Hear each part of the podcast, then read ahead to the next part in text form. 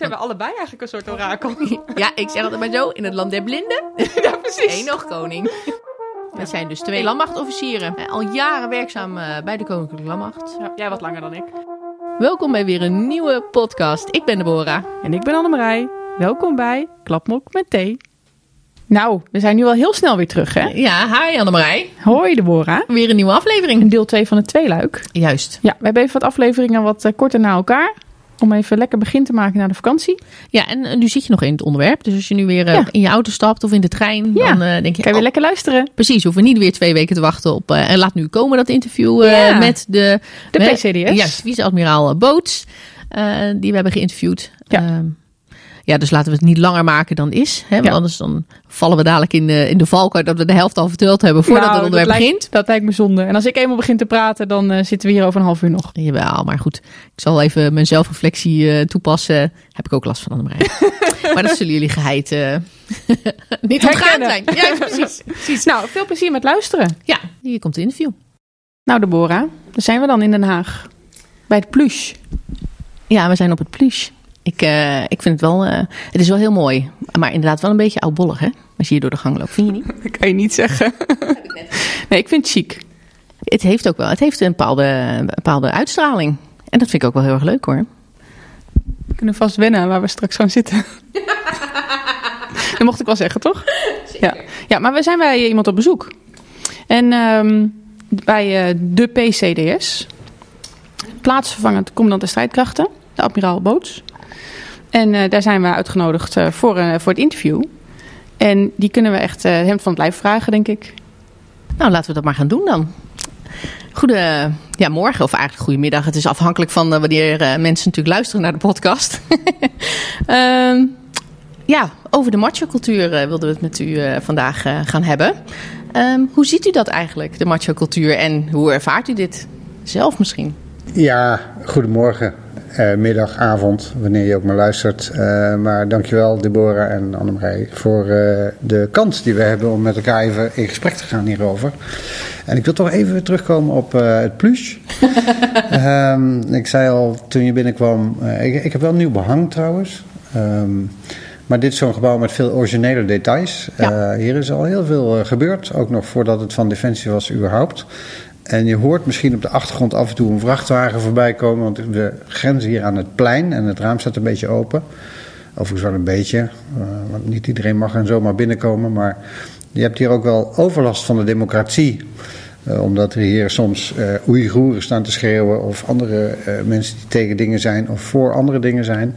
Of gewoon gezellig feesten vieren. Maar dat gaat nu nog goed, dus dat is het voordeel van de ochtend. Maar vanmiddag is de muziek weer en dan gaat mijn raam weer dicht, want er moet wel gewerkt worden. Ja, precies.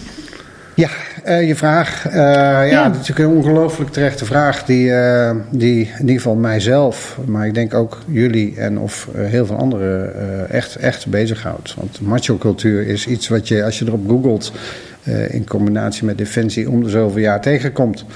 En om de zoveel jaar staan er artikelen in de krant of in de tijdschriften over de macho-cultuur bij defensie. En dan gaat het eigenlijk altijd om de nadelen die macho-cultuur met zich meebrengt. En die Ja. zijn natuurlijk ook ja, vind ik wel heel serieus. Ehm, en aan de andere kant eh, heb je ook wel een macho cultuur nodig als het gaat om het winnen van het gevecht, waar we uiteindelijk toch voor zijn. Dan moet je inderdaad eh, doortastend kunnen optreden. Dan is er even geen tijd om te discussiëren. Je hebt ervoor getraind, je wordt ingezet. Mensen die net dit weekend terugkwamen uit Islamabad, eh, sprak, sprak ik nog vorige week. En die, die hebben daar ongelooflijk veel meegemaakt. En dan is het goed om te zien dat je erop voorbereid bent. Ja. Dat is ook onderdeel van de macho-cultuur. Maar het nadeel ervan is, zoals we steeds weer horen en merken, ja, dat er niet ehm, volledig ehm, respect en recht is voor iedereen die in onze organisatie zit. De macho's winnen en de iets minder macho's niet. En daar moeten we echt iets tegen doen. ja. Dus eigenlijk is de macho-cultuur eh, soms noodzakelijk, maar is niet inclusief genoeg. Ja, ik denk dat je dat heel goed zegt. Ja. Ehm, want eh, je kunt ook een macho-cultuur hebben waar je wel inclusief bent en divers bent. En dat is denk ik, eh, nee, ik weet het zeker, ongelooflijk belangrijk om eh, beter te worden ook in dat gevecht. Ja, u denkt dus dat het wel kan, die combinatie. Dat het, dat het, dat het allebei hebben. We zullen het een hele flinke hand moeten helpen. Maar uiteindelijk denk ik dat we in ieder geval heel veel beter kunnen worden. Ehm, ja, kunt u ook iets aangeven wat u zelf ehm, daarvan ziet of ervaart? Gewoon, nou, Ja. vanuit u, want u heeft natuurlijk een Ja, lange veel. loopbaan. Kijk, kijk hier om je heen. Eh, er is geen vrouwelijke CDS. Er is geen vrouwelijke PCDS. Er zijn geen vrouwelijke commandanten van de defensieonderdelen. Ehm, dat zegt natuurlijk veel van eh, waar we staan. Hè? Eh, en dan gaat het nu even over mannen en vrouwen. Maar het is een veel bredere eh, zaak natuurlijk. Want het gaat ook over andersdenkenden, anders eruitzienden.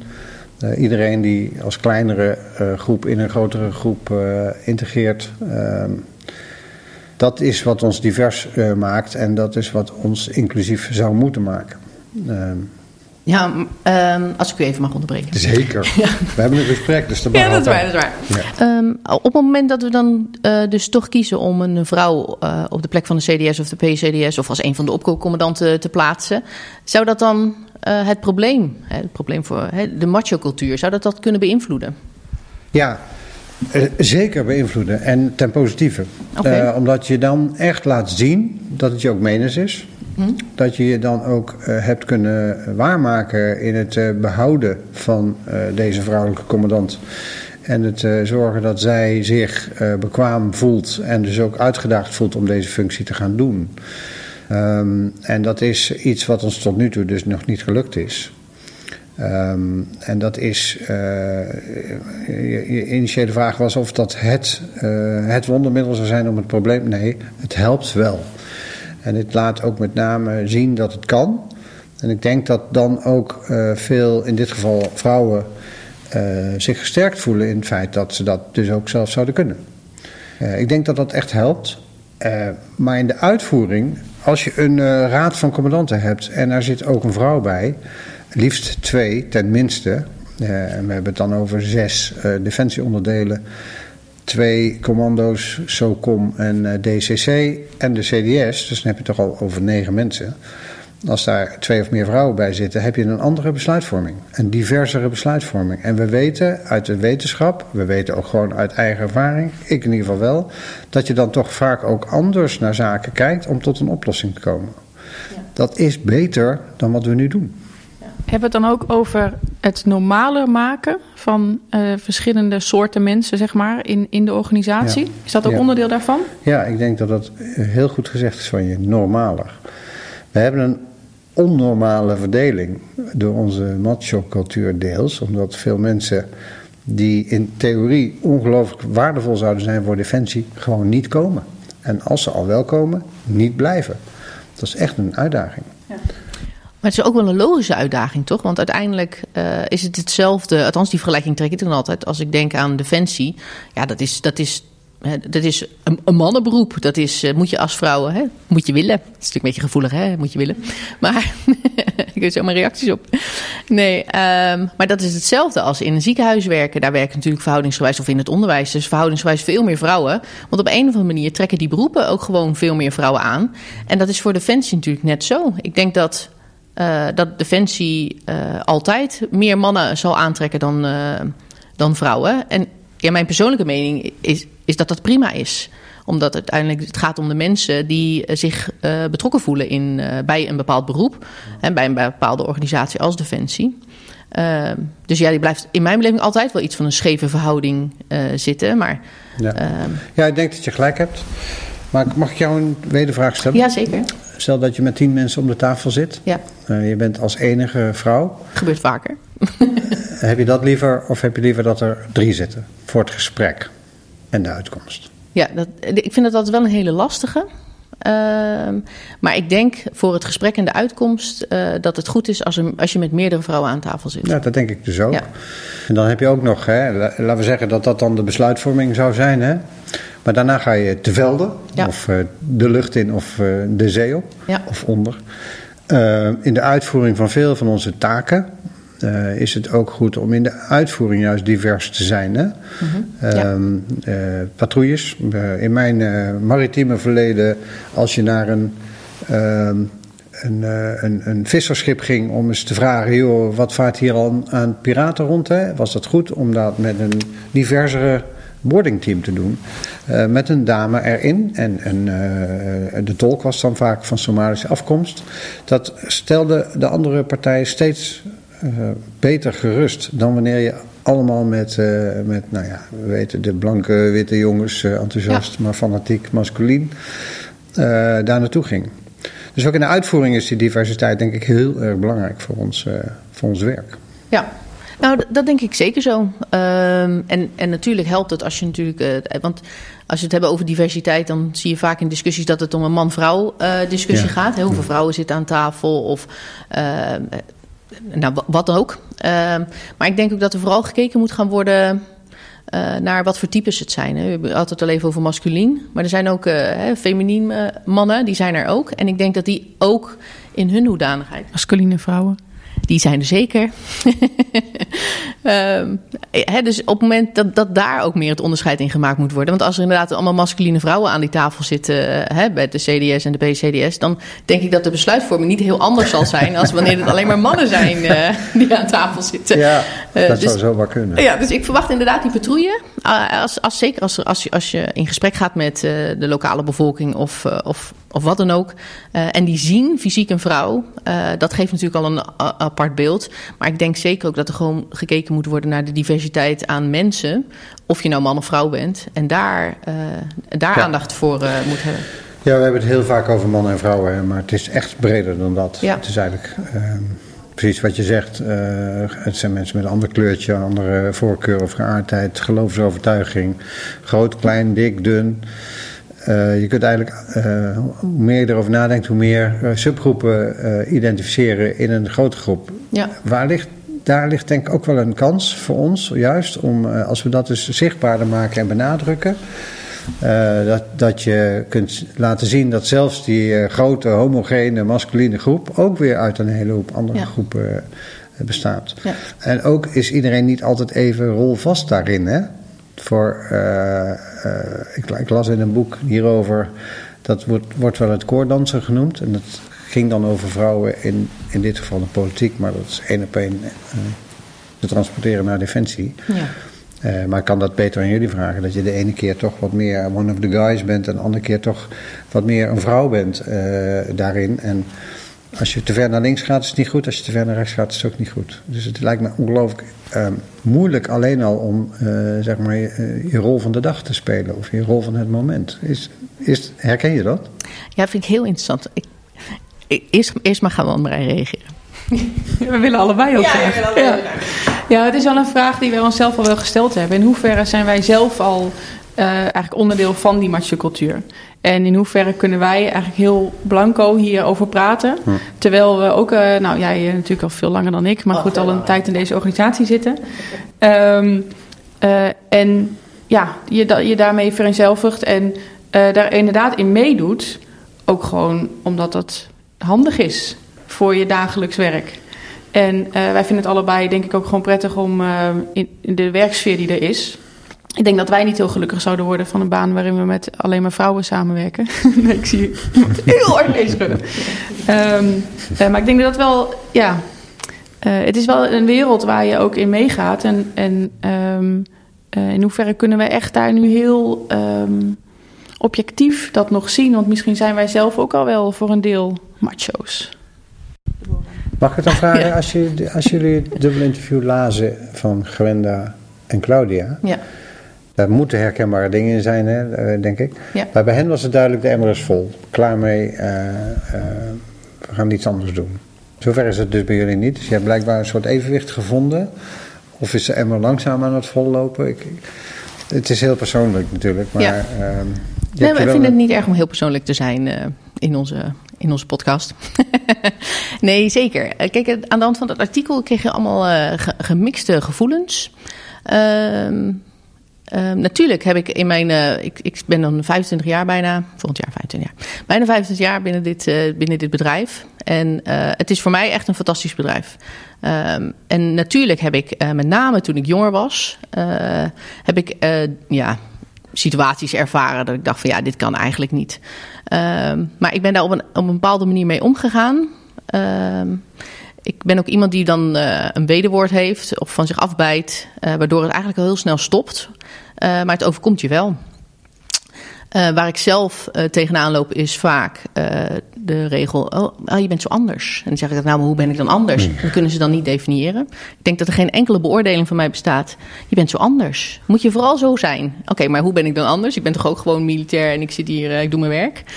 Dus ik heb maar geaccepteerd dat ik anders ben. Um, en dat geeft ook een beetje aan op uw vraag. Anders dan wie? Nou ja, dan... dan, dan Als ja, ik? Ja, bijvoorbeeld. Ik, ik weet het niet. Mijn definitie van anders heb ik ook nog niet gevonden. Ik heb het maar geaccepteerd. maar dat komt ook wel een beetje door het feit dat ik... Uh, ik vind het heel belangrijk dat mensen zichzelf kunnen zijn. Ik vind het ook heel belangrijk dat ik mezelf kan zijn. En ik ben dan ook altijd mezelf. En dat is vaak anders dan uh, wat mensen dan uh, verwachten. Het grote voordeel... Het grote voorbeeld is eigenlijk onze podcast. Uh, ja, de manier hoe wij onze podcasten opzetten. Uh, het feit dat we als twee kletsende officieren over de landmacht allerlei zaken bespreken die eigenlijk gewoon spelen. En uh, dat ook nog doen met humor en lachen. En dat is eigenlijk al niet des militairs. Dat is natuurlijk niet hè, dat voordeel, voordeel. Maar dat is natuurlijk al wel hoe er naar je gekeken wordt. En ik ben niet anders dan in, dan in welke functie dan ook. En dat, uh, ja, en dat beweegt mee en dat uh, beweegt niet mee. Ik vind natuurlijk wel dat je je moet kunnen aanpassen. Uh, maar ja. dat is iets wat wij allemaal Maar kunnen als militair. Ja, ja. We moeten, en natuurlijk is in een bepaalde Maar je situatie. bent jezelf kunnen blijven. Ja, precies. En ik denk dat dat het belangrijkste is. En als daar ruimte voor is, uh, dan, uh, ja, dan, dan maakt het mij niet uit. Dan is het prima. Ja, even aanhakend op uh, wat je zei over uh, het, het, het, deze podcast. Ja. Kijk, en ik vind dat heel opvallend. Dat een bepaalde, er is een bepaalde categorie collega's. We krijgen heel veel hele positieve reacties. Dus dat is heel leuk. Maar er, er is een bepaalde categorie die ook heel openlijk, dan heb, merk ik in ieder geval naar mij toe komt. Van ja, nou, ik heb geluisterd. Ik houd nog geen kwartier vol. ja. ja. ja. die kunnen dus al niet naar twee pratende nee. vrouwen luisteren. Ja.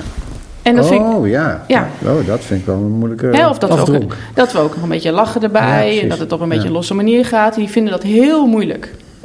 En nou, dus die mensen hebben we ook nog steeds in de organisatie. Nou, die gaan vanzelf een keer met FLO. Um, ja, hopen we dan maar. Maar, um, nee, maar dat is natuurlijk wel zo. Ja, en, dat, en, dat, en dat, dat blijft toch altijd wel het ding dat, uh, dat er is. En, en over de vraag hè, met die emmer en het artikel van uh, uh, waar we het over hadden. Is de emmer vol? Nou, inderdaad, bij ons totaal niet. Hè. We hebben het ontzettend naar ons zin. En nou, we komen, zeker nu we net uit de HDV komen. Hè, wij, voor ons ligt nog alles open.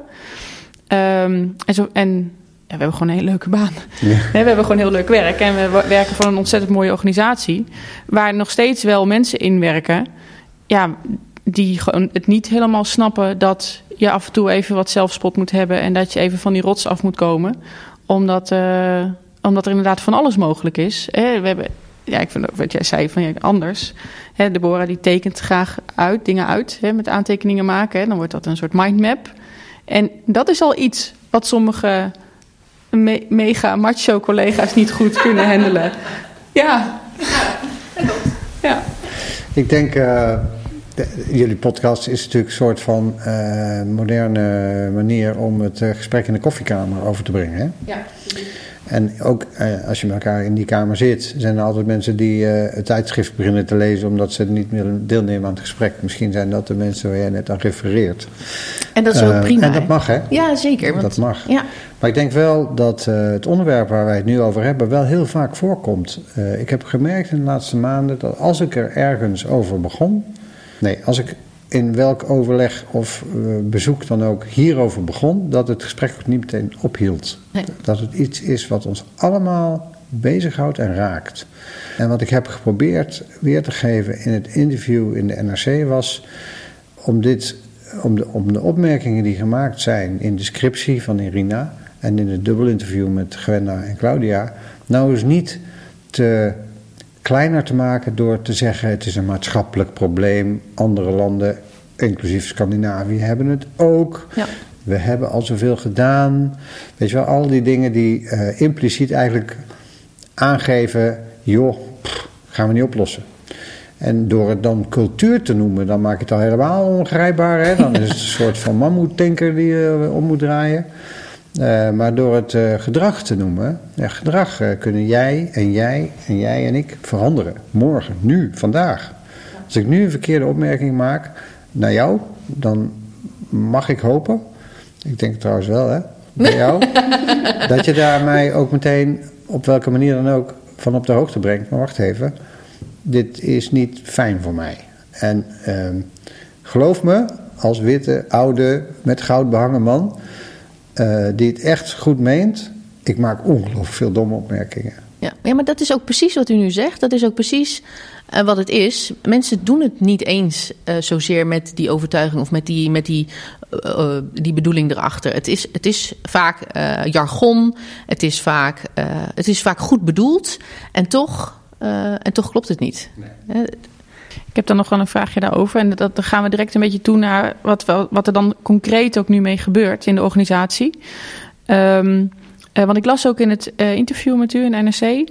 Uh, gaf u een voorbeeld van nou, als er iets in de koffiekamer gebeurt, ehm, als er iets wordt gezegd wat niet oké is, of je daar dan direct als leidinggevende dan daar een opmerking, daar iets van moet zeggen, of dat je dat dan separaat doet met degene die, um, die fout zat. En daar gaf u aan dat u eigenlijk dat uw voorkeur dan lag bij het laatste. En, um, en daarbij vroeg ik me dan ook af, als we kijken naar toch een gedragsverandering en als we met, als organisatie eigenlijk we willen groeien ergens in, waarom u juist dat aangaf. Waarom dan separaat en waarom, niet, uh, waarom is niet de boodschap, leidinggevende, laat je, uh, spreek je ook uit, ook waar iedereen bij is. Want als, als dan die, die twintig mensen die daarbij zaten denken, oh, de leidinggevende zijn niks, die lachten misschien zelfs wel mee, het zal wel goed zijn.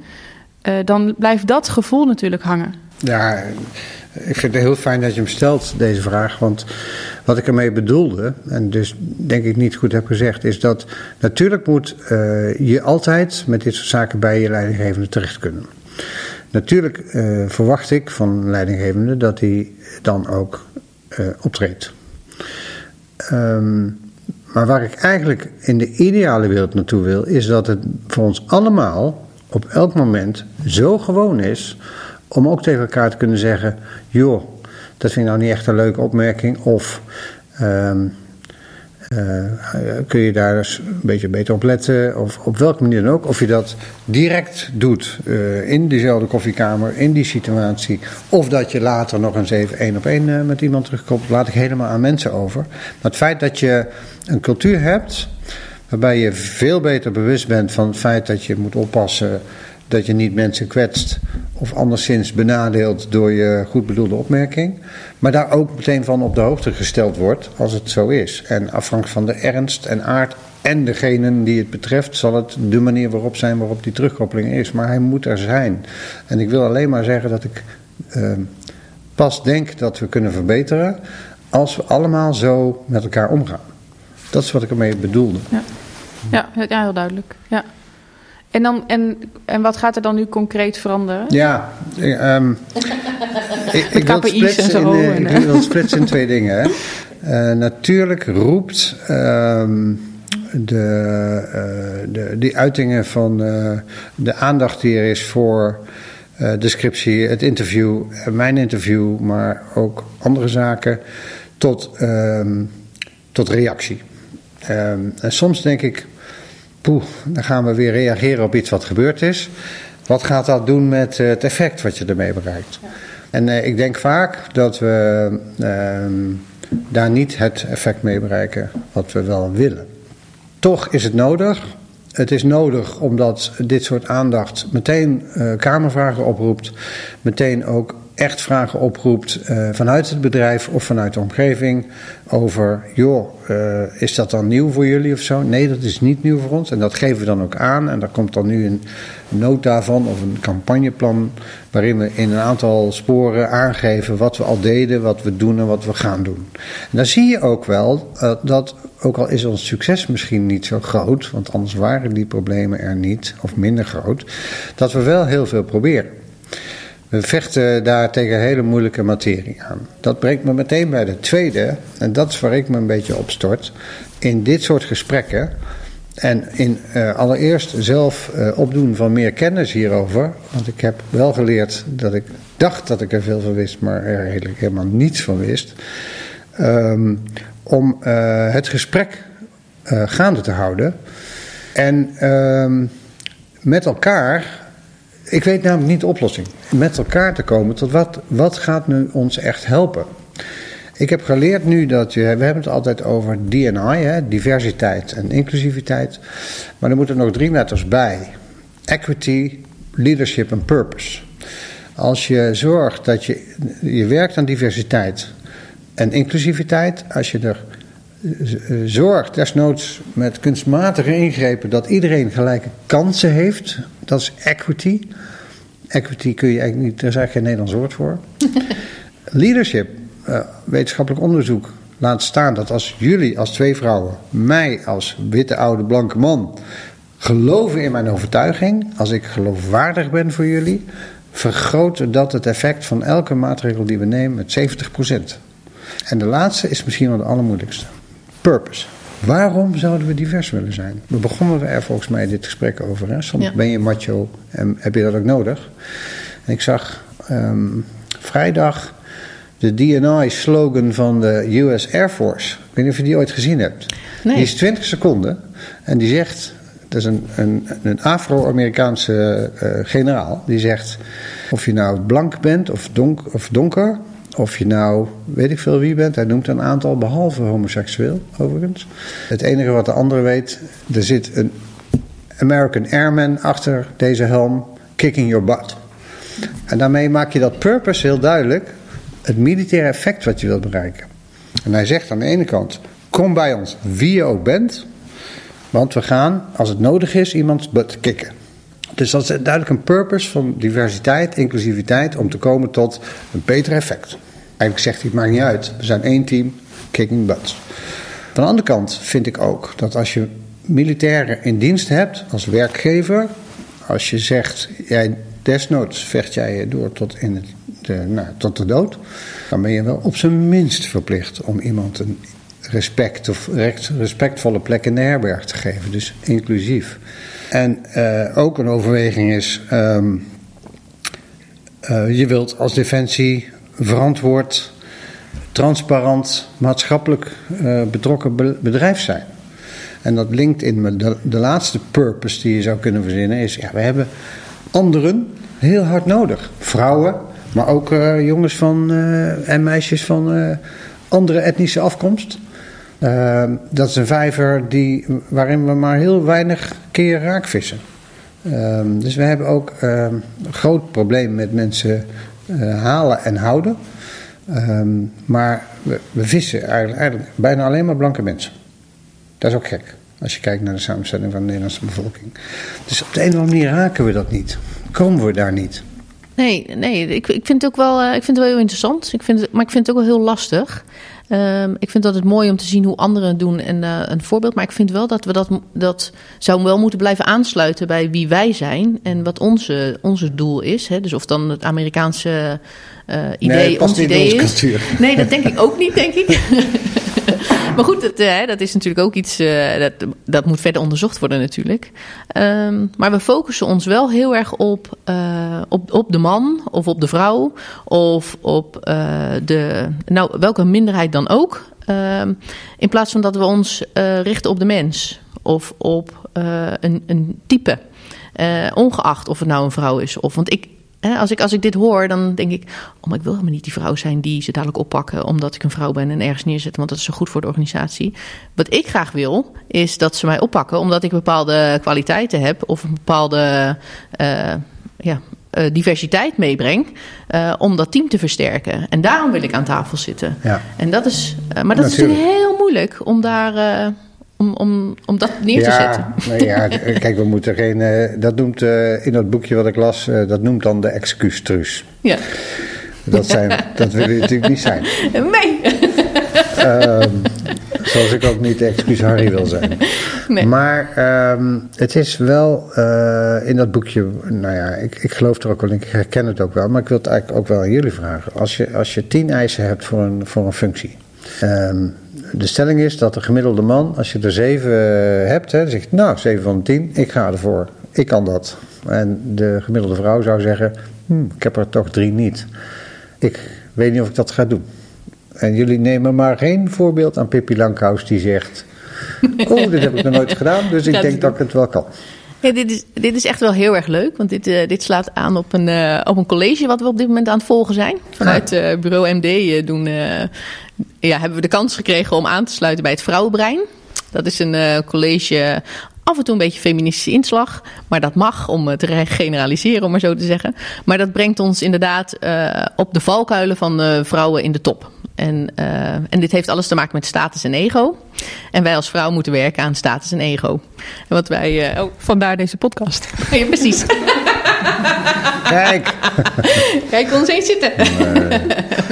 Nee, maar dat, dat klopt inderdaad. Het is heel herkenbaar. Als het inderdaad eh, drie eisen zijn waar je niet aan voldoet. Ja, ik voldoe er aan drie niet. Nou, dan gaan ze me niet aannemen.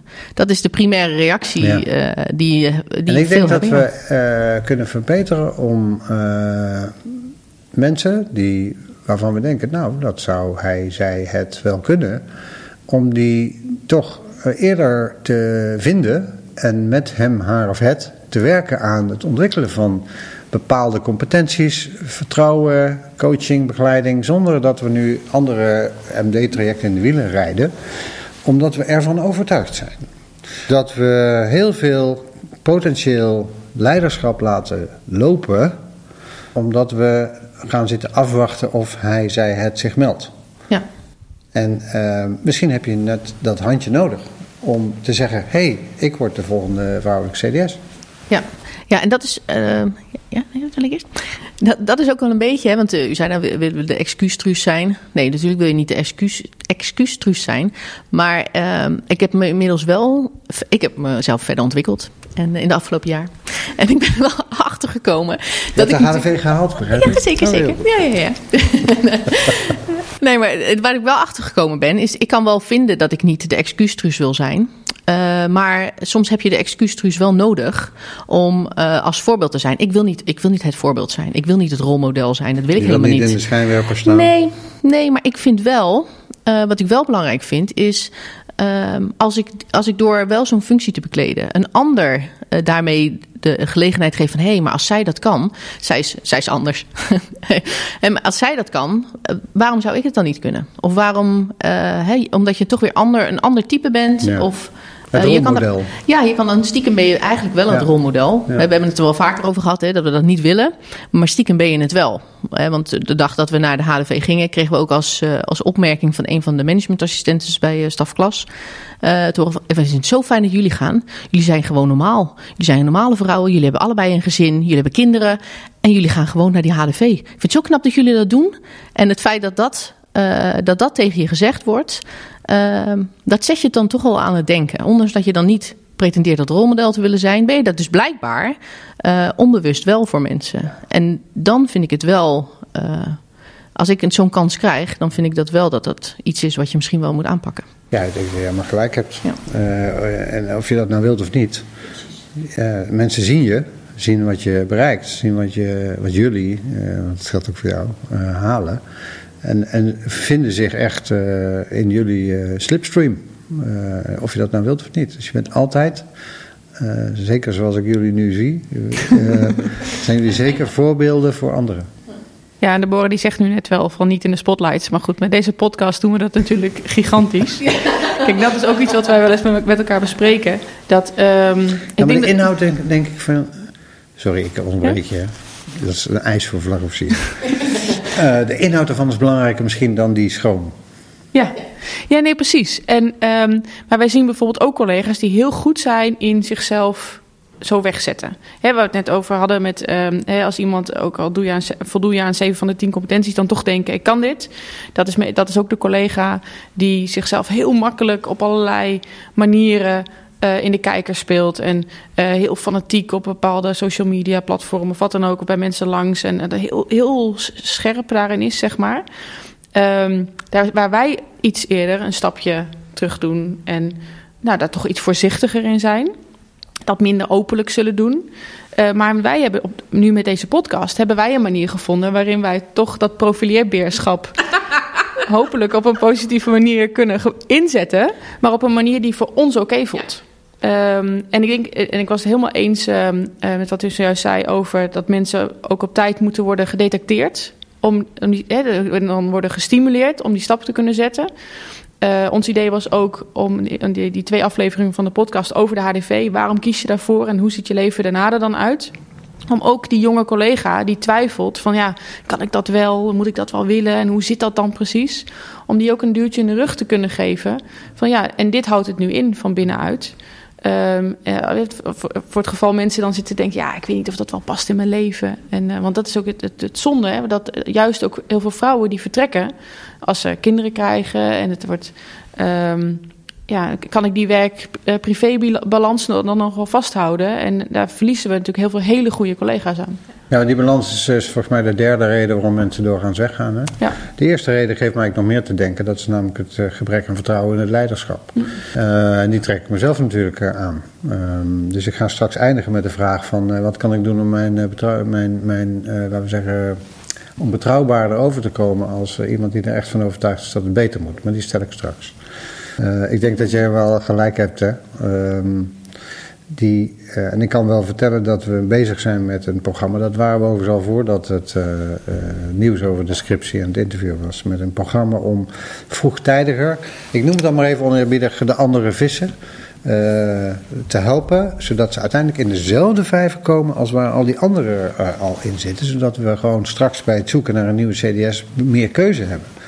En dan kun je ook kijken naar het totale top team kan dat diverser gemaakt worden. Dus in die zin hebben we nu gewoon niks te kiezen, omdat er alleen maar blanke witte vissen van mannelijke komaf in dat vijvertje. Uh, kijk naar mij. Dus dat is, ik, ik, zit hier niet omdat ik de, de, diversiteit vergroot, maar gewoon omdat ik een van de blanke witte vissen was in het vijvertje. Uh, ik ben nu net zes maanden bezig en uh, nou, ik voel me nu wel een beetje op mijn merk, zoals dat dan heet. Uh, zo van, oké, nu, nu weet ik al waar mijn speerpunten liggen. Dit is een van mijn allerbelangrijkste speerpunten, omdat ik vind oprecht dat we kansen missen en dat we mensen onrecht aan doen. En 2021 en verder is niet meer de tijd dat we over seksisme moeten praten. Ik wil daarvan af, omdat het ja, gewoon uh, zo oneerlijk is naar de mensen die, uh, laten we zeggen, het slachtoffer daarvan zijn, dat ik dat gewoon niet uh, wil. En het is fijn om te horen dat jullie een weg daarin gevonden hebben, hè, maar de Gewenda's en de Claudia's hebben dat uiteindelijk niet. Het feit dat we twee van zulke talenten moeten laten lopen. als bedrijven heb ik het dan nu over, even los van de menselijke aspecten. Ja, vind ik natuurlijk het ongelooflijk zonde. Kijk, mensen mogen altijd weg en mogen ook altijd weer terugkomen. Maar als het om dit soort redenen is, vind ik het toch wel heel erg. Trek ik het mezelf wel heel erg aan. Ja, nou ja, dat is ook zo. Kijk, ik, ja, daar, daar, valt niks tegen in te brengen. Dat is, we vallen een beetje stil. Ja, dat is gek. Dat heb ik jullie nog nooit horen doen. nee, u heeft toch even een beetje te pakken nu. Ja. Nee, maar dat is, en maar dat maakt het ook, uh, dat maakt het ook zo moeilijk. En dat maakt het ook, uh, wat we eigenlijk net ook al zeiden. Ik kan, niet, ik kan niet ontkennen dat wat in die artikelen staat, dat het niet waar is. Want het is waar. Ik ervaar het zelf ook. Maar het is, het is toch anders. Uh, je, ja, je, ervaart het ook op een andere manier. Uh, ik ben het ook niet helemaal mee eens zoals het beschreven wordt. Maar ontkennen kan ik het ook niet. Uh, discussies die ik ook eh, onderling met, met collega's ook wel heb gehad. die zeggen ook van ja, als, als ik mezelf er nou niet in herken, ben ik dan nu de masculine vrouw geworden? Uh, want er zijn ook genoeg vrouwen die er niet. Uh, hè, klopt het dan niet? Is, is dan, heb ik dan niet iets. Heb ik, uh, ben ik dan ook. het voelt bijna aan de foute kant van de, van de medaille. Maar dat is natuurlijk ook weer niet het geval. Dus ik vind het nee, heel moeilijk. Nee, dat is het ook niet. En het is ook de weergave van, van een interview. En misschien ja. zelfs niet alles wat gezegd is. dat, ik heb geprobeerd om daar ook helemaal niet over na te denken. Nee. Het is waar wat er staat. Ja. Dat zeg je nu zelf ja. ook. Het is waar wat Irina opschrijft in haar scriptie. Uh, ik, ik, geloof dat we dat ook herkennen. Ik herken het uit mijn jongere jaren. Ik was uh, misschien zelfs ook veel te veel macho. Ik heb ook geleerd door de jaren heen. Ik denk dat dat ook wel een aspect is wat we ons niet moeten vergeten. Hè? Dat jonge, gedreven mensen eh, op zoek naar en, en een thuis vinden in een cultuur als die van Defensie, waarbij je lekker dingen gaat doen en, ja. en, en, en werkt aan een verbetering. Ja. En, uh, niet zonder risico, maar wel uh, goed voorbereid, goed uitgerust, goed getraind. Allemaal van die dingen waar we Nou ja, ook, ook reclame om maken. Hè? Groter worden dan jezelf. eh, beschermen wat ons dierbaar is. eh, allemaal heel aansprekend. Ja. Het, het is de reden waarom ik hier gekomen ben. Denk ik, ja.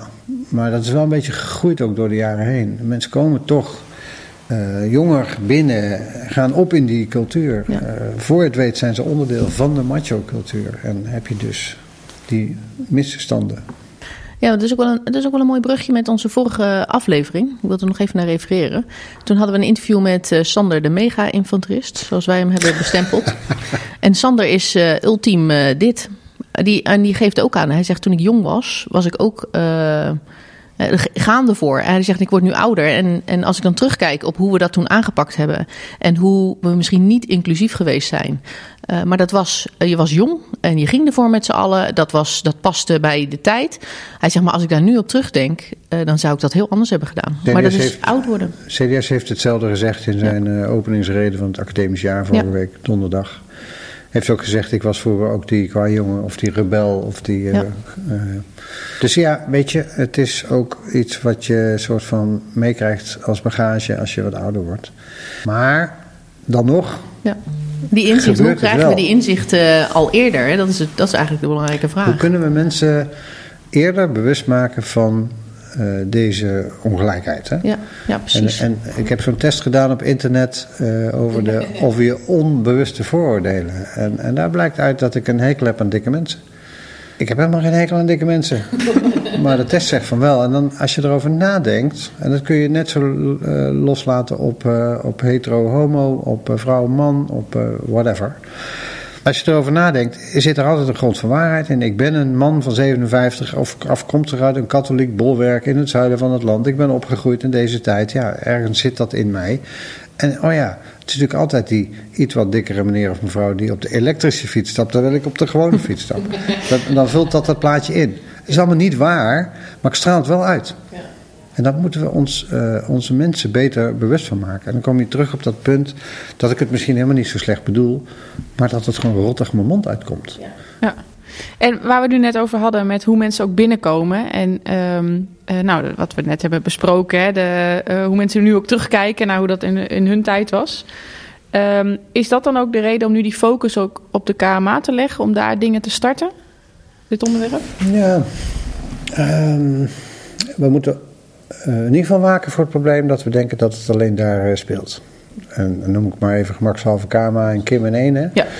Maar daar zitten natuurlijk jonge VWO over het algemeen of verder in de eh, afgestudeerde in hun kadetten of aderborsten traject. Die zijn natuurlijk wel mondig. Die hebben ook eh, zichtbaarheid. Het zijn natuurlijk eh, echt eh, faculteiten en er is veel zicht. Het is, en er gebeurt ook veel. Er is ook in het verleden al veel toch wel integriteitszaken gebeurd. Ehm, het is de cultuur die daar heerst, dus daar is zicht op. Meer dan op eh, overige onderdelen in ons bedrijf waar mensen op dezelfde leeftijd, in dezelfde leeftijdscategorie, laten we zeggen, worden opgeleid. Daar hoor en zie ik minder van. Dus het is een eh, focus die terecht is, want het gebeurt op de KMA en eh, op het KIM. Maar ook weer eh, tot eh, niet terecht is, omdat het eigenlijk breed in heel Defensie gebeurt. Dus in die zin denk ik dat we niet alleen naar de KMA moeten kijken. Ik zie wel dat KMA, of eigenlijk de NLDA, een, een, een zeer, en dat was overigens ook al gestart voordat de scriptie van Irine als eerste naar buiten kwam, met een programma bezig is om die cultuur op KMA te verbeteren. Kim ook. Dus in die zin eh, zijn we niet helemaal blind als bedrijf. Eh, en eh, is het goed om te zien dat we ons ervan bewust zijn en eraan werken. En dat ligt ook voor een deel bij de kadetten, hè? de eigen themadagen. Volgens mij binnenkort eentje weer. Dus in die zin is dat heel goed. Maar het is breder dan alleen KMA en Kim. Maar ja, ik las ook in het interview, dat, daar daar werd ook in aangegeven dat, ehm, ehm, dat het een belangrijke pijler is. Eh, het is natuurlijk wel het nieuwe leiderschap dat straks ook weer Ja. binnen is. Ja, ja Dus, eh, eh, terechte aanvulling. Ja. Ja. En als die het dan niet goed doen, of zich ervan niet van bewust zijn. Ik ga er wel uit van het groeien in onze mensen. Hè. Het is altijd in de groep. Het is nooit, oh, nou ja, het is niet nooit, maar niet vaak het individu. Het is de cultuur van de groep. Ja, ja ik, denk, ik denk ook inderdaad dat het goed is als je begint bij de, bij de jonge leiders. Ehm, eh, en, en dan inderdaad bij de KMA of op het KIM, uh, dat daar in ieder geval de focus, uh, focus op ligt. ik ben het ook eens dat dat niet. ik, vind, ik vind de KMA of het KIM, voor zover wij daarover kunnen oordelen met onze voorgrond, of achtergrond eigenlijk. nou, dan kan ik jullie hand schudden, want ik ben ook geen KIM-officier. Oké, okay, kijk, kijk, nou, dan zitten we hier. Ik ben ook lang in de minderheid geweest. ja, ja, precies.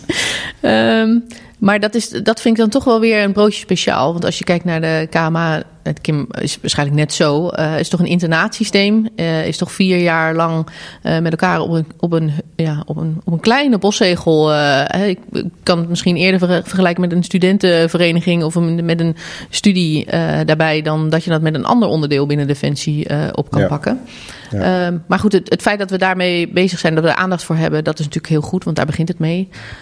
Maar inderdaad, voor de rest van de organisatie is het ook wel heel erg belangrijk. Want uiteindelijk, als dan zo'n zo'n zo'n jonge leider start in een, in een eenheid die al uh, veel verder is, en ja, dan, dan staat diegene daar ook maar alleen heel jong te zijn. Um, en wat, wat voor ideeën hebben we daarbij als organisatie? Wat ik lees in de scriptie van Irine is wel heel duidelijk. Die cultuur van uh, de ideale militair is iemand ja. die ongelooflijk goed kan sporten. Ja. Uh, ja. Groot en breed en sterk is, geen emoties toont. Juist. Ja, dat herken ik minder uit andere delen van, uh, van, de, van de, oh, onze organisatie. wij willen allebei zo graag reageren. Je hebt met een microfoon te weinig. Ja, ja precies. Nee, maar dat is natuurlijk iets wat dat, dat wordt gevoed. He, um, mensen komen binnen, ze hebben natuurlijk een bepaald beeld van Defensie. Uh, maar als dat beeld wordt uh, ontkracht, dan kan dat in de kiem worden gesmoord wellicht. En als dat wordt bevestigd door uh, de voorbeelden die zij hebben... en door, door instructeurs en nou, wat er zoal rondloopt... dan, wordt er natuurlijk, dan verandert het niet. Hè? Dan, dan moeten we inderdaad heel veel directies gaan opstellen... en allemaal papierwerk er tegenaan gaan gooien. Ja, precies. Dan moeten er weer KPI's komen. Omdat het anders moet worden... Want dan wordt het ook heel erg gecultiveerd. En nou, we hadden het al over hè, de, sportprestaties die het allerbelangrijkste worden geacht. Um, en dat je heel sportief en heel fit bent, dat kan voor bepaalde functies straks heel nuttig zijn. Hè? Als je bij de infanterie gaat en je moet met je club van alles doen. Maar als jij op een gegeven moment naar het, jezelf in het plusje in het Haagse terugvindt, dan is het ook heel belangrijk dat je kan schrijven en, en inhoudelijk goed mee kan komen. Dus, ja. dus ook die het kunnen maken van die switch, dat, ja. dat het niet één ding is, dat is natuurlijk iets waar je mensen al aan de voorkant mee kan vormen. Ja, ja helemaal waar. Uh, dat is cultuur. Hè? En dat is dus denk ik ook wel goed om te zien wat, uh, wat de NLDA dan uh, voor Kamer en Kim nu doet. En dat is in, nou, precies wat jij zegt. Dat is zorgen dat die bewustwording van die cultuur. En uiteindelijk, want het is ook een soort van onbewuste cultuur. Hè? Ik weet niet precies meer hoe Irina dat in de scriptie schrijft, maar een, een, een, een machtsstructuur of zoiets heeft het over. Maar het is niet een formele, het is een informele machtsstructuur. Dus uh, daardoor ga je mee in uh, wat je misschien ook wel een beetje zoekt hè, als je binnenkomt. Want dat is het imago van het bedrijf. En verdomd, het is nog waar ook. Dus dan ga je erin mee, want zo hoort het dan blijkbaar. En zo is het dan blijkbaar. En, en daarmee hou je het in stand of vererger je het zelfs. Dus je moet daar wel uh, en dat is goed om te zien dat dat plan er wel is. Ook vanuit de kadetten zelf uh, aan werken. Dat het, uh, wat het echte normale wereld is. En dat je in defensie inderdaad. Je moet natuurlijk gezond en fit en, en inzetbaar zijn. Dat eisen we ook. Maar uh, het is natuurlijk niet zo dat je dat altijd uh, uh, overal vanuit elke positie, functie waar je werkt, uit stilstand zes meter moet kunnen hoogspringen. Nee, dat is maar soms. iedere keer weer. Ja, precies. Ieder, daar heb je natuurlijk gewoon weer allerlei niveauverschillen in. Kijk, in de basis moet, je, moet je inzetbaar zijn. En voor de ene functie vraagt iets meer inzetbaarheid dan een andere functie. absoluut. Ja, ik vind het wel. Ehm, het geeft wel aan, hè, ons gesprek ook, hoe, uh, hoe diep het zit. Hè? Uh, hoe diep het zit. En ik sprak een dieptepsycholoog. En die wijdt dit soort uh, zoektochten van mensen naar een masculine organisatie als Defensie uit het feit dat door het feminisme in de jaren 50, 60 de vader onzeker is geworden in zijn rol in het ouderwetse traditionele gezin, waardoor hij zijn zonen niet goed kan vervolmaken tot man. En de rest van het maken van het mannelijke profiel wordt dan gezocht in een organisatie als Defensie. En ik denk dat er best, uh, best, best uh, uh, gronden en, en theorieën in zitten. Want ik vertel het nou grappig, maar het is echt Ja. een serieuze dieptepsychologie psychologie theo- theorie. Ja. Maar wat wel aangeeft hoe moeilijk het is. Ja. Want de oplossing dan wordt gezocht in zet nou de eerste beste leiders die ze al tegenkomen als ze binnenkomen. Hè, de sergeant, maar zeker ook gewoon alle leiders die ze, ja, alle commandanten, alle, alle, alle afdelingshoofden. Maak dat rolmodellen. Maak dat uh, die zeg maar nieuwe extra vaderfiguur. Ja, dat is moeilijk, want ze komen ook allemaal uit dezelfde feministische golf voort. En, Ja. nou, ik, ik ben gestrand in deze zoek- en denktocht, omdat ik dan denk, nou, dan wordt het wel heel lastig. Ik denk dat het aan het gedrag ligt uh, wat we echt moeten veranderen. En dat begint met elkaar bewust maken van en een cultuur krijgen waarin we ook kunnen uitspreken dat dingen niet goed lopen. Ja. Um, voor, uh, en, en daar dan resultaten in mee moeten boeken. Ja, ik denk, dat, ik denk dat u gelijk heeft. Maar ik denk ook dat het een hele moeilijke klus is. Ja. Kunnen jullie me helpen daarin? Ja, uit, ik kan natuurlijk geen nee zeggen. Uiteraard willen wij u helpen. Nee, eh, zeker. Nee, kijk, we moeten zeker stoppen met pretenderen dat we hier op het plus, zoals jij zegt, Marij, steeds. Steeds weer. Jij komt hier nog wel eens werken.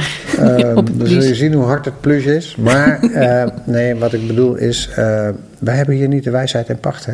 Nee. Ehm, ik ben zo eh, benieuwd naar wat wij beter kunnen doen. Om te zorgen dat we meer effect hebben hierin. Iedereen zegt dat divers en inclusief belangrijk is. Hè?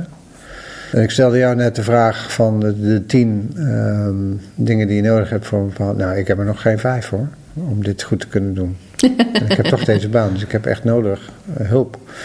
Um, wat ik een andere uh, moeilijke vind, is um, streefcijfers en quota natuurlijk. Hè? Ja, dat is de andere kant. We gaan, uh, we gaan er echt naartoe. Ik ben er voor. Ik ben voor een quotum en niet een streefcijfer. Dus dat je jezelf ook echt verplicht. Hè? Want ik denk dat we een hele harde kunstmatige uh, dreun nodig hebben om te zorgen dat er een beter evenwicht komt in de organisatie. Dan begin ik met mannen en vrouwen. Uh, want per, laten we zeggen, 30 procent uh, gaat echt een soort van eigen kritische massa ontstaan, waardoor er een beter evenwicht komt in de organisatie. Zolang we dat niet hebben, zullen we het kunstmatig moeten doen met hulp. Met, met... En quota helpt daarbij om te komen tot een beter evenwicht. Maar ja, ga je nu een eenheid deels leeglaten omdat je je quotum niet haalt, waardoor je niet inzetbaar bent of niet? Als je DNI echt serieus neemt, ga je dat eerste doen. Ga je dus zeggen, ik kan niet alles doen waar je me, uh, waar je me voor op aarde hebt hè, met deze eenheid. Of het nou een schip is, of een squadron, of een eenheid. Want ik ga niet, ik ga niet de lege stoelen opvullen. Maar ga extra inspannen om vrouwen te vinden voor deze stoelen. Of ga je zeggen, ja, de wereld vraagt de inzet. Ik ga dan toch maar, omdat ze er nog niet zijn, vullen met mannen. Dat is een lastige. Ja, het is heel lastig. Het is heel lastig. Het is een korte termijn en een lange termijn oplossing. Waarbij de korte termijn natuurlijk ook een lange termijn oplossing is. Houden de cryptisch allemaal. Ja, maar, het is waar. Het is wel zo, ja. Je moet realistisch zijn in je quota. Ja. Uh, qua hoogte en qua tijd die je nodig hebt om ja. het te bereiken. Maar als het een quotum wordt, vastgesteld in onze AGDEF, dat is het, zeg maar de opdrachtenmatrix, dan uh, moet je het ook serieus nemen. Uh, kun je er ook niet meer zomaar onderuit. Ja. Ik vind, het lastige van een, van een quotum is, uh, vind ik eigenlijk, is dat op het moment dat je het niet haalt, wat misschien best wel reëel is, want we streven -hmm. al jaren naar een ja. hoger percentage vrouwen binnen Defensie. Ja. Um, stel nu dat we dit weer niet halen. Is het, zijn we dan gefaald? Of, ja, zijn we dan of is dat gefaald, zo? Ja. Als we nu met z'n allen voor de komende periode, hoe lang die dan nog gaat zijn, een quotum vaststellen en we mm -hmm. halen het niet, dan hebben we gefaald. Dat vind ik heel interessant. Dan hebben we gefaald, want dan hebben we niet gehaald wat we wel willen. Ja. Ja, ik vind het moeilijk. Ik, ik kan het niet eens zijn met u. Dat mag, hè? ik ben blij. Ja, nee, ik kan, kan want er is zoveel... Nou, een quotum, een quotum is zo simpel. Stel dat we gaan voor 30% vrouwen binnen Defensie. Ja. Als we daarmee beginnen, hè, dan kijken we naar man-vrouw, 30% vrouwen binnen Defensie. Er zijn zoveel uh, redenen te bedenken waarom het niet haalbaar is. Er zijn ook zoveel redenen die we niet zelf in de hand hebben. Uiteindelijk uh, kunnen we natuurlijk alles aan doen om een aantrekkelijk bedrijf te zijn. Uh, we kunnen vrouwen als, uh, in, in, in, in bepaalde functies zetten. We kunnen veel vrouwen op, op bij opleidingscentra kwijt om het, het standaard beeld te doorbreken, om maar zo te zeggen. Um, maar als vrouwen er niet zijn of ja, de, de, demografie laat het ook gewoon niet meer toe. Hè? Er is gewoon te weinig. Uh, maar ja, ik, ik, kan nog wel legio eh, voorbeelden bedenken waarom, het niet, waarom, waarom we die 30% niet gaan halen. Uh, en dan, om dan te spreken van dan hebben we gefaald. Ik denk, ja, dat vind ik, dat vind ik, dat vind ik vervelend. Want dat zou betekenen dat alle andere effort die we dan uh, intern het bedrijf steken aan uh, meer ruimte voor, voor inclusiviteit of diversiteit of hoe dan ook, dat, dat, dat het gefaald zou hebben omdat we niet meer 30% zijn. En dat, dat, gaat, dat, vind ik, dat, vind ik, dat, ja, dat, dat vind ik te kort door de bocht, om maar zo te zeggen. Dat doet, dat doet ook afbreuk aan de interne inzet van de mensen binnen het bedrijf om dat zo, om dat zo te doen. Want je kan best, stel dat ik het in een, in, in een organisatie, dat we het voor elkaar kunnen krijgen dat er over gesproken wordt. En dat mensen gaan reflecteren op hun handelen. Of, uh, en daardoor al een stukje bewustzijn creëren. Want dat is toch uh, wat, je op heel veel vlakken zou moeten, moeten gaan doen. Een stukje bewustzijn uh, gaan creëren. al hebben we het er maar over. Kunnen we er niks mee, maar we hebben het erover. Dat is al het eerste, het eerste gewin. Um, ja, dan nog denk ik niet door dan dat quotum van die 30% vrouwen naar binnen te kruien, dat je dat daarmee gaat bereiken. Uh, ik zeg, doe het eerst eens met de, met de hoeveelheid vrouwen die je nu hebt zitten. En dan is ook nog maar de vraag: hè, moet je, is, het een, is het een vrouwenprobleem wat je met vrouwen moet oplossen? Uh, hè, is, is, om even terug te gaan op het vooroordeel uh, van deze podcast. Komt, uh, ja. ja, nou ja, misschien. Ja. Misschien moet de nee, feminine man is, wel een uh, meer podium krijgen. En zijn we helemaal niet op zoek naar 30% vrouw, maar zijn we op zoek naar 30% feminiem man die bij deze organisatie ja. een kans moet krijgen. Je, je begon met de vraag uh, of als je je quotum niet haalt, of je dan faalt. Ik, ik ja. blijf van mening van wel, maar we hebben het wel, we komen volgens mij wel een beetje dichter bij elkaar. Jawel, jawel. Want uh, uh, het is een quotum, omdat je het samen met elkaar als, als defensie vaststelt, heb je erover nagedacht. Wil je dat quotum qua percentage halen en in de tijd dat je ervoor uitzet? Ja. Zeker nog, je gaat een soort, soort, van die verplichting aan met elkaar. Om ja. te zorgen dat je alles in het werk stelt om ook dat quotum te halen. Want je vindt het belangrijk. Als je het niet haalt, heb je dat dus niet gehaald en dus gefaald.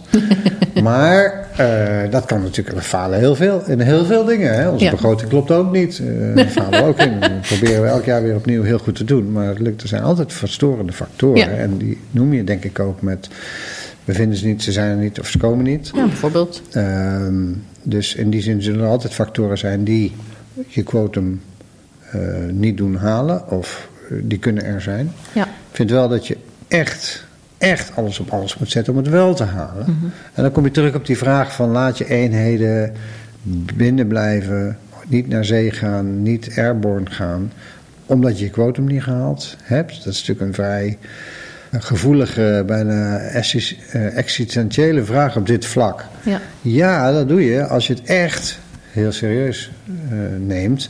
En nee, dat doe je niet, omdat je nou eenmaal je doel moet halen. Ik vind het wel echt heel goed om dit gesprek erover te hebben. Hè? Überhaupt het gesprek over uh, diversiteit, inclusiviteit en hoe kunnen we beter worden is keihard nodig. Staat los van de quota, wat mij betreft. Uh, en moeten wij, en dat zie ik als mijn persoonlijke taak ook, uh, aan de gang houden, dat gesprek. En um, quota vind ik echt het verhaal van met een, met een machtsmiddel een zekere eerlijkere balans. en we hebben het nu even over vrouwen. Dat zijn we jullie verschuldigd.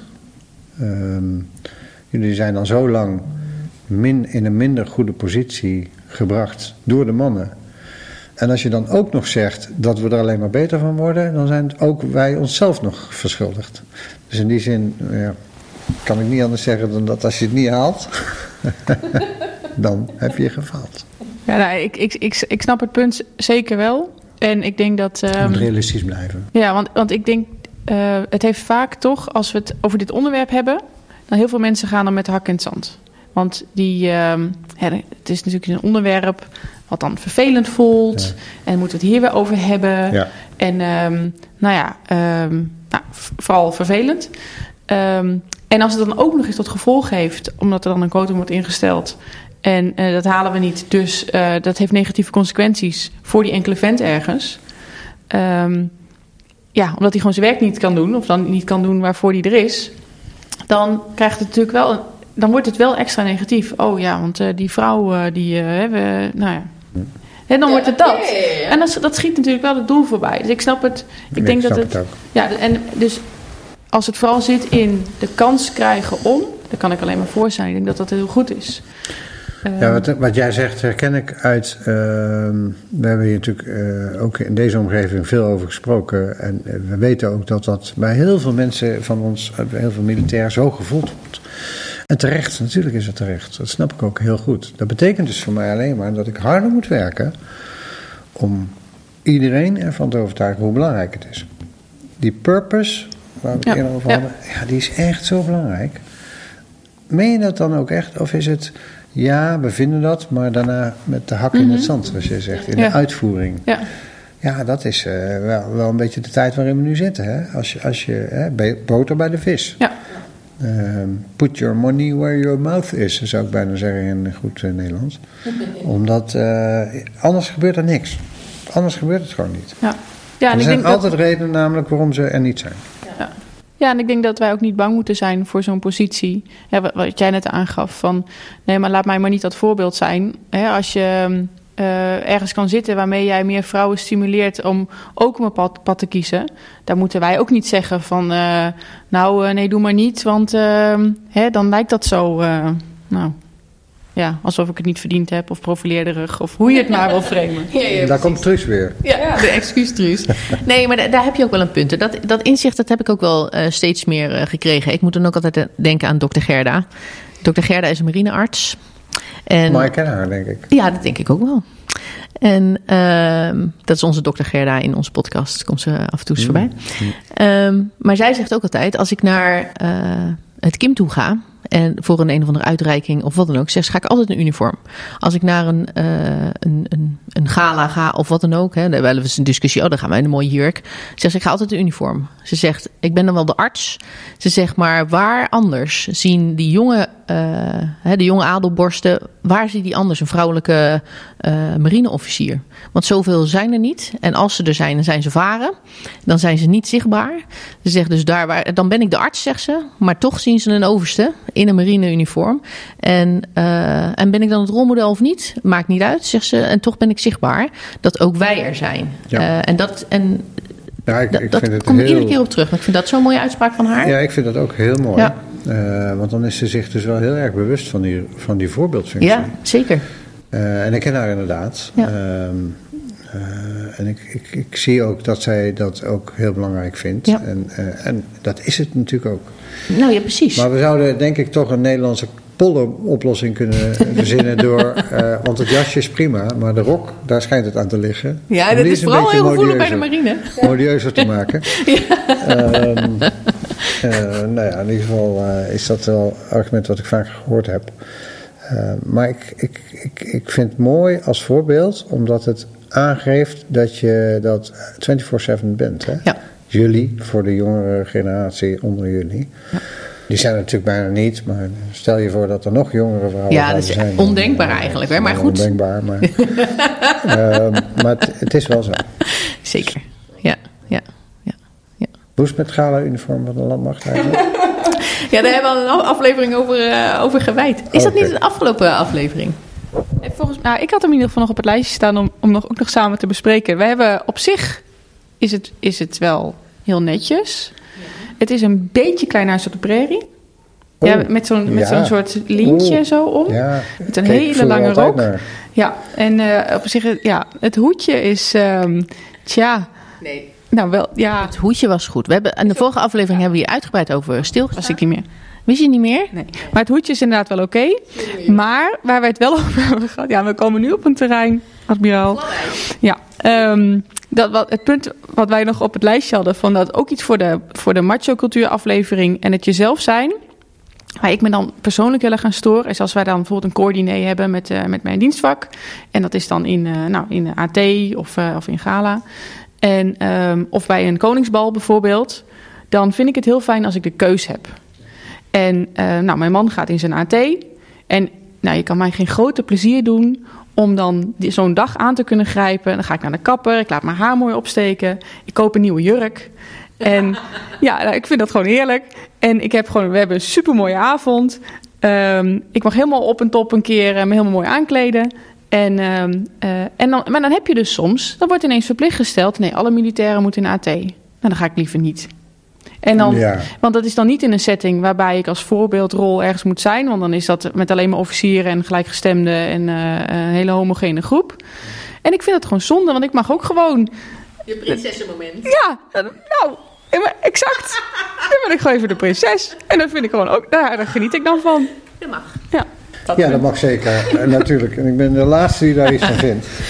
um, het, het, is weer een van die dilemma's die je dan hebt. Um, die, uh, maar goed, wel ook twee goede uitkomsten kan hebben. Hè, want uh, volgens mij um, moet dit niet het model, moment zijn van het rolmodel zijn door het uniform aan te trekken. Want nee. uh, ik denk dat 9 van de 10 toch wel weten wie jij bent. En zeggen van, oh kijk, dat is ook onze voorbeeldrol. En het is ook een vrouw. En een mooie. Ja. Dus in die zin, een, een mooi verzorgd en, en in een mooie nieuwe jurk. Dus in die zin uh, denk ik dat, uh, dat, we niet, dat mensen dat niet weten. Want er is altijd wel iemand die zegt: Oh, dat is. dat, dat is, is die van die. Ja. Dat is, dat is er. Ja.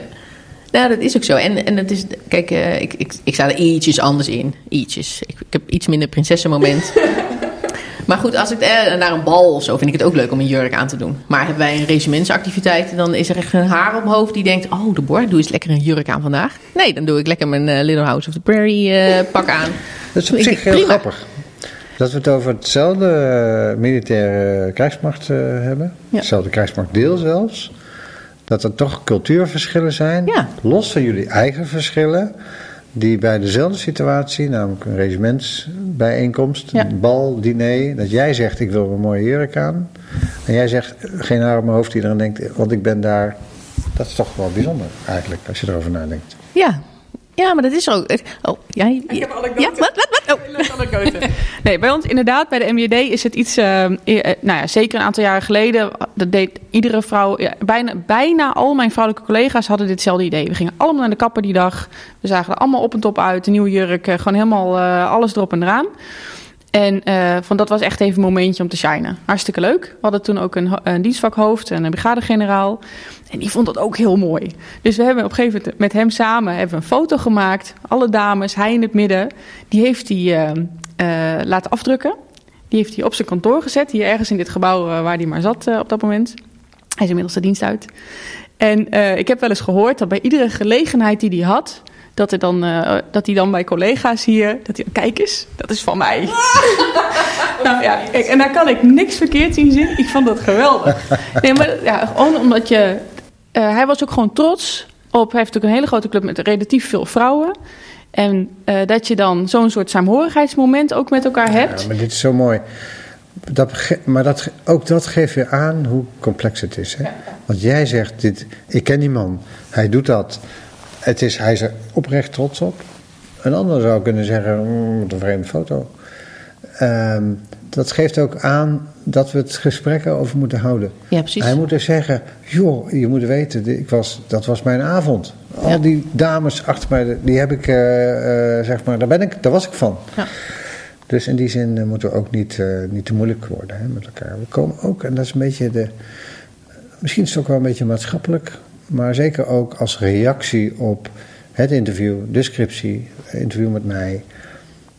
Ja, ik zou bijna zeggen, laten we ook uh, af en toe eens even bedachtzaam zijn en niet meteen reageren alsof er helemaal niets meer kan. Want dan wordt het wel stil in die koffiekamer ook. Ja, ja, ja, ja, precies. Dat, dat, zijn wel dingen die, uh, die, die komen bovenop bijvoorbeeld het feit dat je elkaar al minder ziet. Althans, als je thuis veel werkt of als je... Nou, in ieder geval is het, is het lastig. Dus laten we ook een beetje eerlijk naar elkaar durven blijven zijn. En af en toe is toch die foute grap maken die dan, als hij te ver gaat, wel uh, uh, een ho moet kennen. En dat we elkaar daar, zonder dat we meteen ruzie krijgen, op aan kunnen spreken.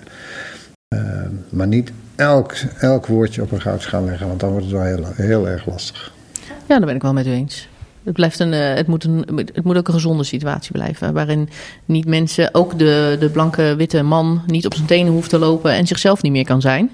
Uh, Ja. Want ook daar is. eh, Ook hij is een mens. Precies. En ook hij heeft een plek in de diversiteit. En eh, ik denk dat dat wel heel erg, eh, heel erg belangrijk is. En soms ehm, krijg ik wel het gevoel of de feedback van de blanke witte man... eh, dat hij nu ook toe is aan zijn eigen clubje.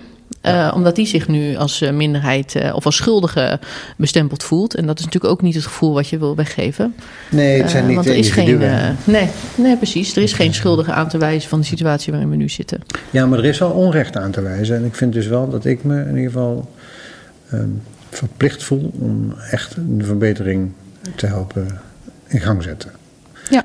En mijn laatste vraag, want ik zie dat jij, Annemarij, een afrondende beweging maakt. Ik denk dat we alle luisteraars al kwijt zijn. Nee, nee, helemaal niet. Maar ehm, ik heb wel hulp nodig. Eh, want ehm, ik heb niet de illusie zelfs nog maar dat ik de wijsheid in pacht heb.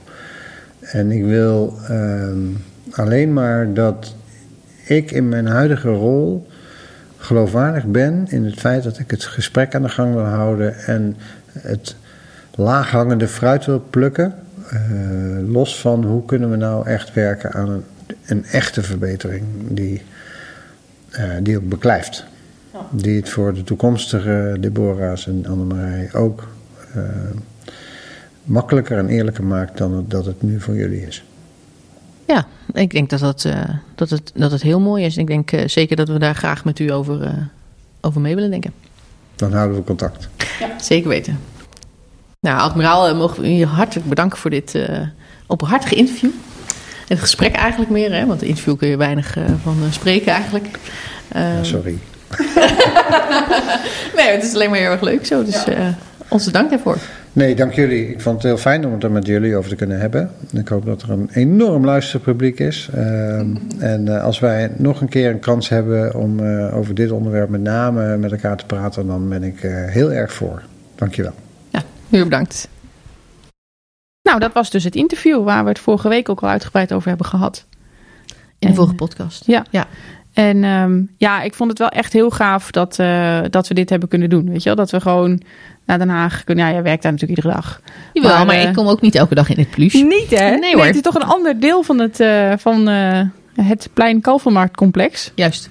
En, ehm, en dat hij zoveel tijd voor ons heeft genomen, vind ik wel echt gewoon heel... ja, dat kan ik wel heel erg waarderen. Oh, dat zeker hoor. Kijk, hij heeft natuurlijk ook in het, in het gesprek, hè, hadden we natuurlijk ook over, hè, een stukje vertrouwen in de leiding, vertrouwen Ja. creëren. En eh, ik moet wel zeggen, dat heeft hij absoluut gedaan in dit. Die heeft hij eh, wel waargemaakt. ja, dit- ik in ging uit van een eh, half uur. Dat, hij, dat we even een half uurtje waren ingepland. Dat waren ook in eerste instantie. Precies. Ja. En op het moment dat we daar zaten... ja, ik heb tot één uur. Dat, Ja. nou, dat was dus twee uur achter elkaar dat hij had. Ja. En ehm, ja, ik vind dat wel heel fijn. En het was een prettig gesprek. Ja, hij heeft ook echt de tijd voor genomen, niet gehaast. Dus eh, wat dat betreft is dat eerste vertrouwen. eh, Dus bij ons wel gewonnen. Ja, zeker wel. Ja. Zeker wel. Ja. Dus, eh, Dus hopelijk ook bij, bij jullie en bij onze luisteraars. halen jullie hier ook dingen uit? Dat je zegt van, hé, hey, dat is goed. Of dat is iets om over verder te praten. Of dat vinden we interessant. Ja, ja, ik denk dat met name inderdaad een heleboel haakjes geeft om op door te gaan. Want het is natuurlijk heel lastig. Hè? Dat, is ook, dat blijkt ook wel natuurlijk uit het gesprek, hoe, hoe hier nu invulling aan te geven. Eh, maar wij gaan meedenken. Eh denken jullie ook vooral eh, mee met Ja. ideeën of wat dan ook. En wie weet komen we er in een andere, een latere podcast Gaan we het nog er weer een keer terug. over hebben. Ja, lijkt me een goeie. Lijkt me ook leuk. Nou, we gaan hierna weer gewoon weer terug naar onze ehm, fre- frequentie van eens in de twee weken. Ja, precies. En dat geeft ons tijd om eh, wat leuke mensen te interviewen en eh, mooie plannetjes te maken en eh, dingen op te nemen. Want wij hebben natuurlijk inmiddels weer een nieuwe functie. We zijn heel hard aan het werk allebei. Ja, precies. Dus hem het aan. moet er allemaal een beetje tussendoor. Ja, maar dat doen we graag. maar dat doen we heel graag. Zeker. We hebben er heel veel plezier in. Dus kom ook nog steeds vooral met ideeën. Reageer op Insta. Vind ons op Mulan en stuur ons een mailtje. En ehm, ja, dan tot over twee weken. Ja, voor nu tot de volgende keer. Tot de volgende keer.